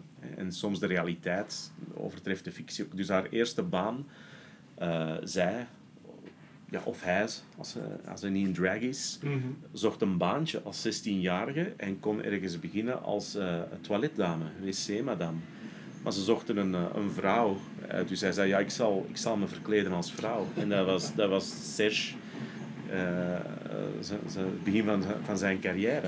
En dat voelde gelijk goed voor haar. Dus het begin van de show gaat over... Ja, ja het begin van de show. Maar ze, doet het geweldig. Ze heeft een eigen, ze heeft een eigen eh, programma nu op RTL, dat online staat. Vorige week Patricia Pa geïnterviewd. Oh, eh, Rotterdam. Ja, ze heeft meegedaan met Drag Race eh, Holland, denk ik vorig jaar ook. Ehm, in elk geval, het is, een, ehm, het is een geweldig lief persoon. Een heel open-minded, wat wel belangrijk is eh, voor mij. Want ja, ik doe eigenlijk niet aan censuur. Dat moet je ook niet doen. Nee, natuurlijk niet. Eh, maar het is geweldig. Het is heel, heel grappig. Als ze begon te vertellen. Ze zei, ja, mijn, eh, mijn favoriete standje is het nummertje 69. 69. A table for two with a terrible view. en eh, toen, toen was het ijs wel gebroken. En mijn zoon Zet is mee gaan kijken naar de, naar de voorstelling vorige week. Dus die vond het ook wel heel tof. Het grappigste was misschien nog dat we terug naar Antwerpen zijn gereden. We kregen een lift van een auto vol drag queens. En de dingen die we daar hebben gehoord, die kunnen we nooit navertellen, vrees ik. Want dan, eh, ja. Eh, weten jullie nog? Ja, weet je, ooit was drag. We zijn op de leeftijd al op een gegeven moment. Weet je, kwam die, die, term eh, de wereld in, hè? Ja, ja. Eh, weten jullie nog? dat vroeger. Ja, maar weten jullie nog dat. eh, dat is toch een heel verschil. dat het. Ja, maar weten jullie nog de eerste keer dat jullie drag queen eh, hoorden? Nee joh. Nou, ik, ik weet niet nog precies. ik weet wel de eerste die ik zag. Oh ja? Ja. Was ik op een feest. Ja. En eh, toen werd ik versierd. En toen dacht ik, oh wat gek. eh, Eindelijk een keer een meisje dat me leuk vindt. Eh, tot een En het was je, en het was je Ja. vader. ja. Ja, goed, maar... Dus eh, ik- dus dat had ik hem herkend aan de snor. Dat wel. ja. Ja, die dingen gebeuren. ja. En jij, Andy? Wat? Weet weet jij wanneer jij dan voor het eerst... eh, Drie weken geleden. Nou ja, ik weet nog. Ik was... eh, Sorry hoor. De vrouw wordt nog steeds... zelf leuk. Ja, deze vrouw wordt nog steeds opgerakeld bij mij thuis door een vrouw. Hè, door een meisje om mij voor lul te zetten. Oké. Eh, op een gegeven moment liep een meisje, echt, dit, ik, ik was 20 of zo, dus we praten echt 15 eruit terug. Weet je wel, met mijn meisje. En eh, op een gegeven moment gooit zij de term drag queen eruit. En ik zo, huh? Waar heb jij nou over? Zegt, ja, kom op. Je wel, dat weet je toch? Hoe moet ik nou weten? Al die jaren kijken we Jerry Springer met drag queens hier en drag queens daar. Waar luister jij naar dan? Waar zit je naar te kijken? Is je naar Jerry Springer? Het is altijd. Ik had dus al die tijd, zit ik Jerry Springer. Want dan had je dus heel vaak drag queens. Weet je de Ja, ja. return of the drag queens. En Ja. eh, weet ik het allemaal. Want er waren dus altijd mannen die met een vrouw waren, maar die wisten dus niet dat die vrouw Ja, ja, ja. ja. Ja, ja, ja. een man was. Het is heel apart allemaal was Ja. het. ja. Maar goed, er- gingen die shows over. Maar ik, kennelijk heb ik dus nooit geluisterd. Maar ja, aan sommige... Waarschijnlijk stond er gewoon travestiet of zo onder, of man. Weet je wel, Ja, ja, ja. als ondertiteling. Maar- ja. Dus ja, maar echt, het is nog steeds... Ja, bij sommigen is het heel duidelijk van oké, onder die praak zit een man, onder die make-up zit Nee, een ja, man, maar... maar- bij anderen niet. En zelfs, ik bedoel, eh Cedergine stond op het podium en ik dacht, potverdikke, ze ziet er toch sexy uit hè, in het begin van de show. Eh, en dan moest ik, ah nee, nee, het is, het is, het is een. Nou ja, tuurlijk. ja. Nou ja, Ja. dat is goed. Dat doet ja, ze heel goed. Ja, dan doet ze heel goed, ja. Ja, ja het is heel grappig. Als jullie de kans krijgen, moeten jullie zeker naar Cedergine gaan kijken, dan vooral die nieuwe Oh, ik show. dacht even dat je heel wat anders ging vertellen. Ja, nee. Is die, eh, is die show nog te zien? Wel, die wordt binnenkort in verkoop gezet. Dus we gaan hem nog een klein beetje fine-tunen wel. Ik bedoel, eh, ik mag ook geen mirakels verwachten op een week tijd, maar het staat er wel. Dus ehm, we gaan hem een beetje fine-tunen en dan is het wel de bedoeling dat er getoerd wordt. Oh, leuk. Oh. Ik ga hem Maar maar het, het- maar het is zo'n weer. Maar zij, zij, zij, ik had nog nooit van haar gehoord en gaan kijken, 60.000 volgers op Instagram.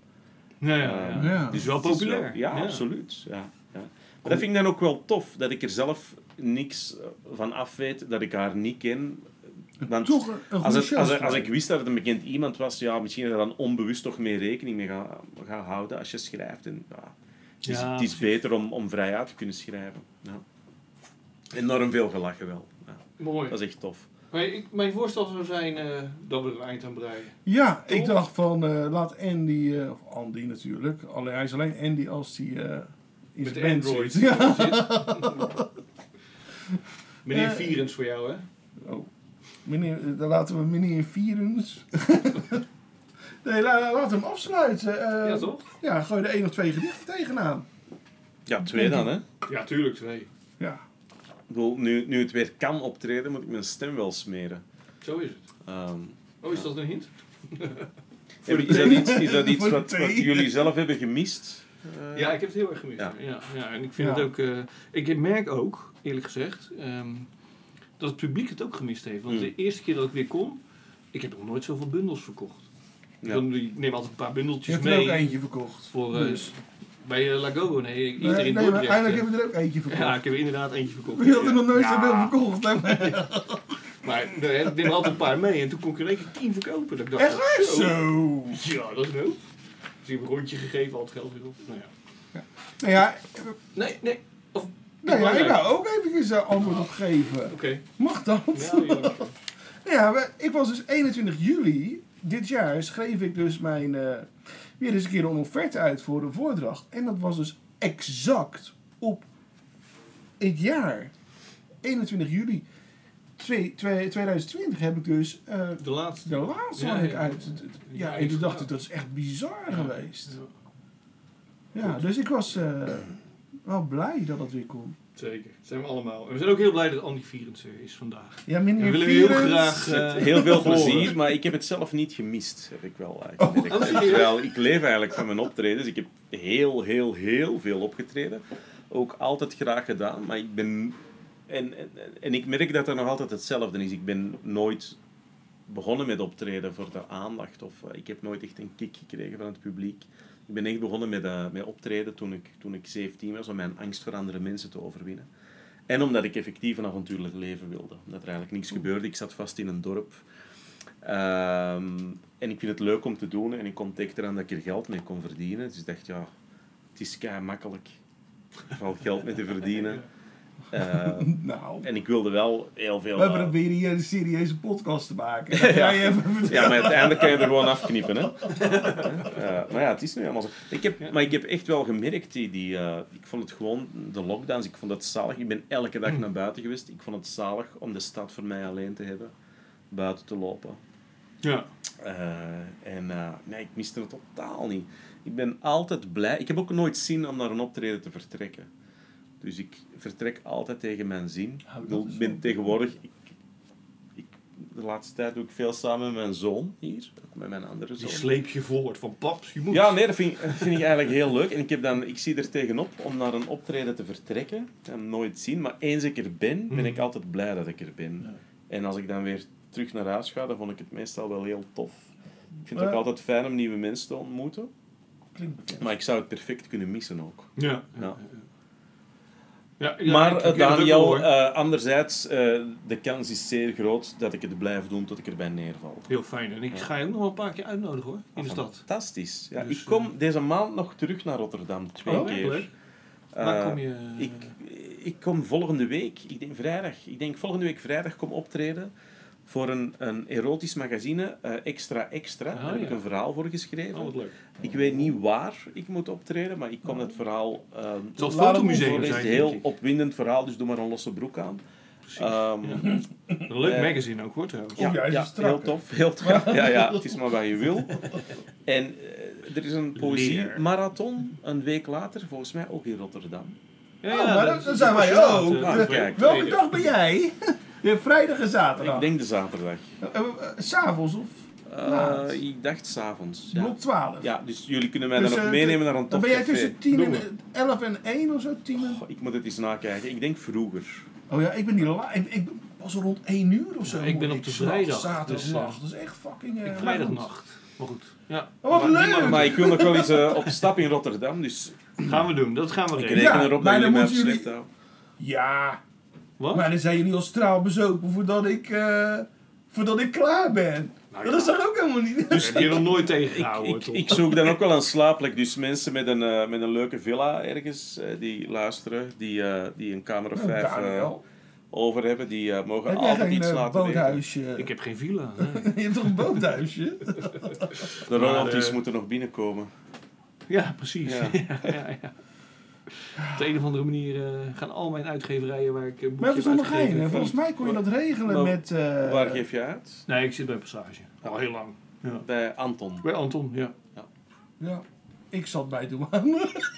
Ja, jij ik zat bij douane, ja. Ik heb eh, mijn eigen geluid. Ja, Maar die maar slaapplek, die gaan we regelen. Ehm, en nu gaan we toch wel echt even luisteren. Ja, ja, nu moeten we Eigenlijk blijven gewoon de hele nacht op.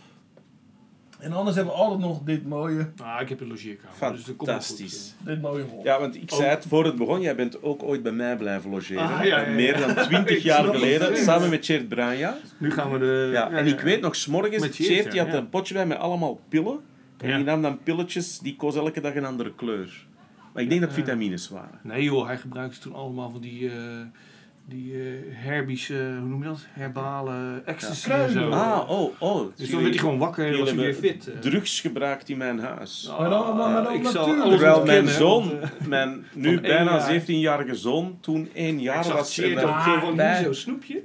Nee, maar even zonder geinen. We hebben het over natuurlijke ecstasy. Ja, ja, ja. Ja, pleur op man. Natuurlijke ecstasy is voor mietjes. Nou, Nou ja, goed, dat mag je niet meer zeggen. Dat is deze. voor... eh, dat, Zijn dat- voor, voor, voor, nou ja, dat is gewoon niet zo... eh, nou ja, kom op zeg. Je gaat toch gewoon echt spul. Je hebt het geprobeerd.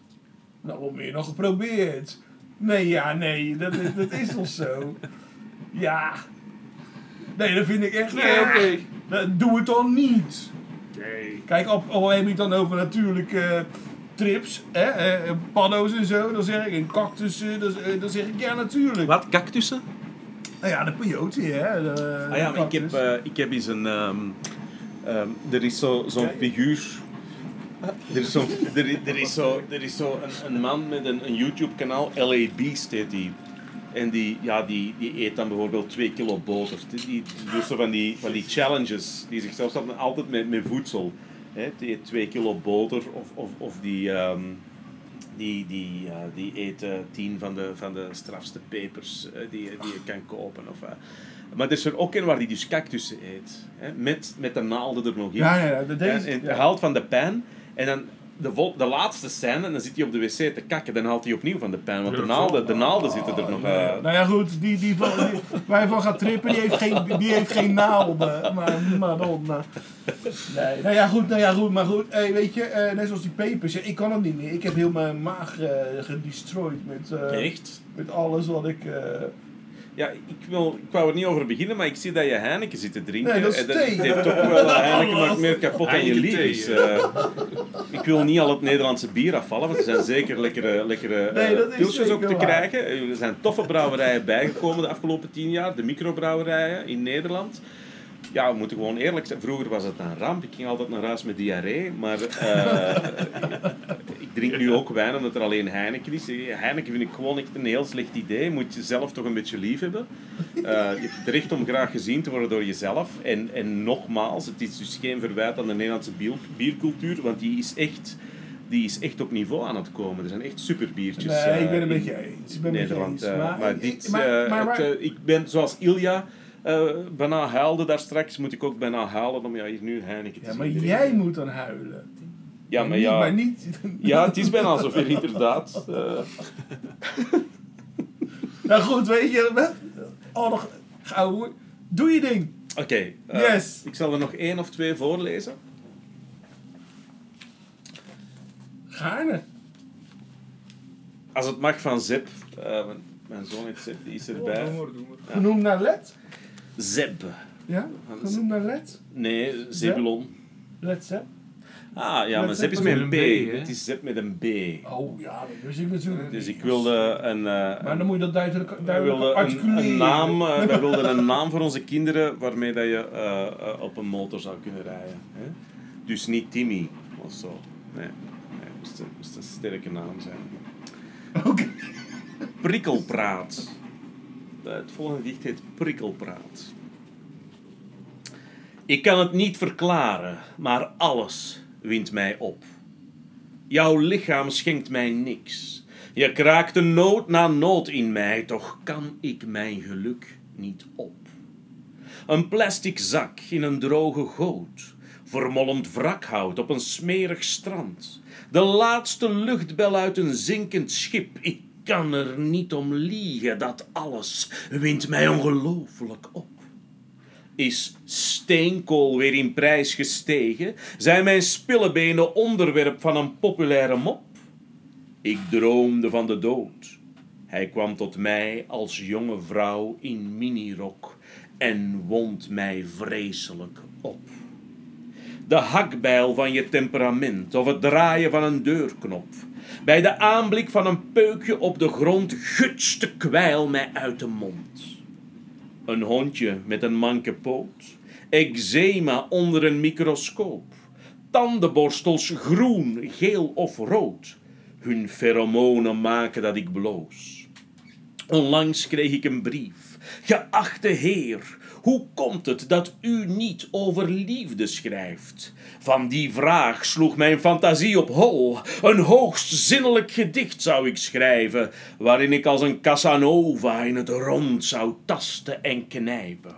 Het idee van Christus aan het kruis, of drie dagen op zijn eentje in die grot, een bejaarde turnster die sukkelt met de bok, en mensen toch, het wint mij op.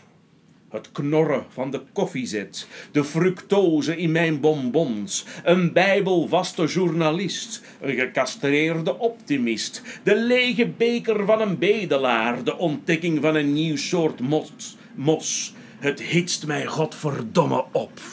Jouw lichaam schenkt mij niks. Je kraakt een nood na nood in mij. Terwijl je me vertelt dat onze dagen samen zijn geteld, zie ik een gaatje in je sok. Laat de wereld maar vergaan. Ik kan van geilheid mijn geluk niet op. Eh, en dan het eh, gedicht waarover ik daarnet vertelde, over het, eh, het gesnurk van mijn vader. Heel toepasselijk getiteld De Snurkers. Niks is mij zo dierbaar als het gesnurk van mijn vader. Mijn vader, zoals zoveel, ontkende een snurker te zijn.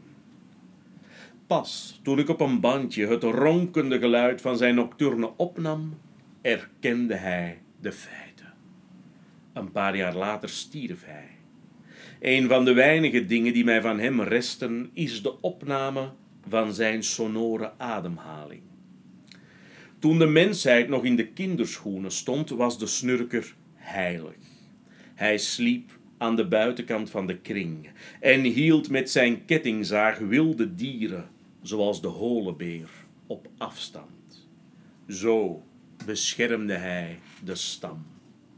Vandaag maakt die herkenbaarheid de snurker kwetsbaar.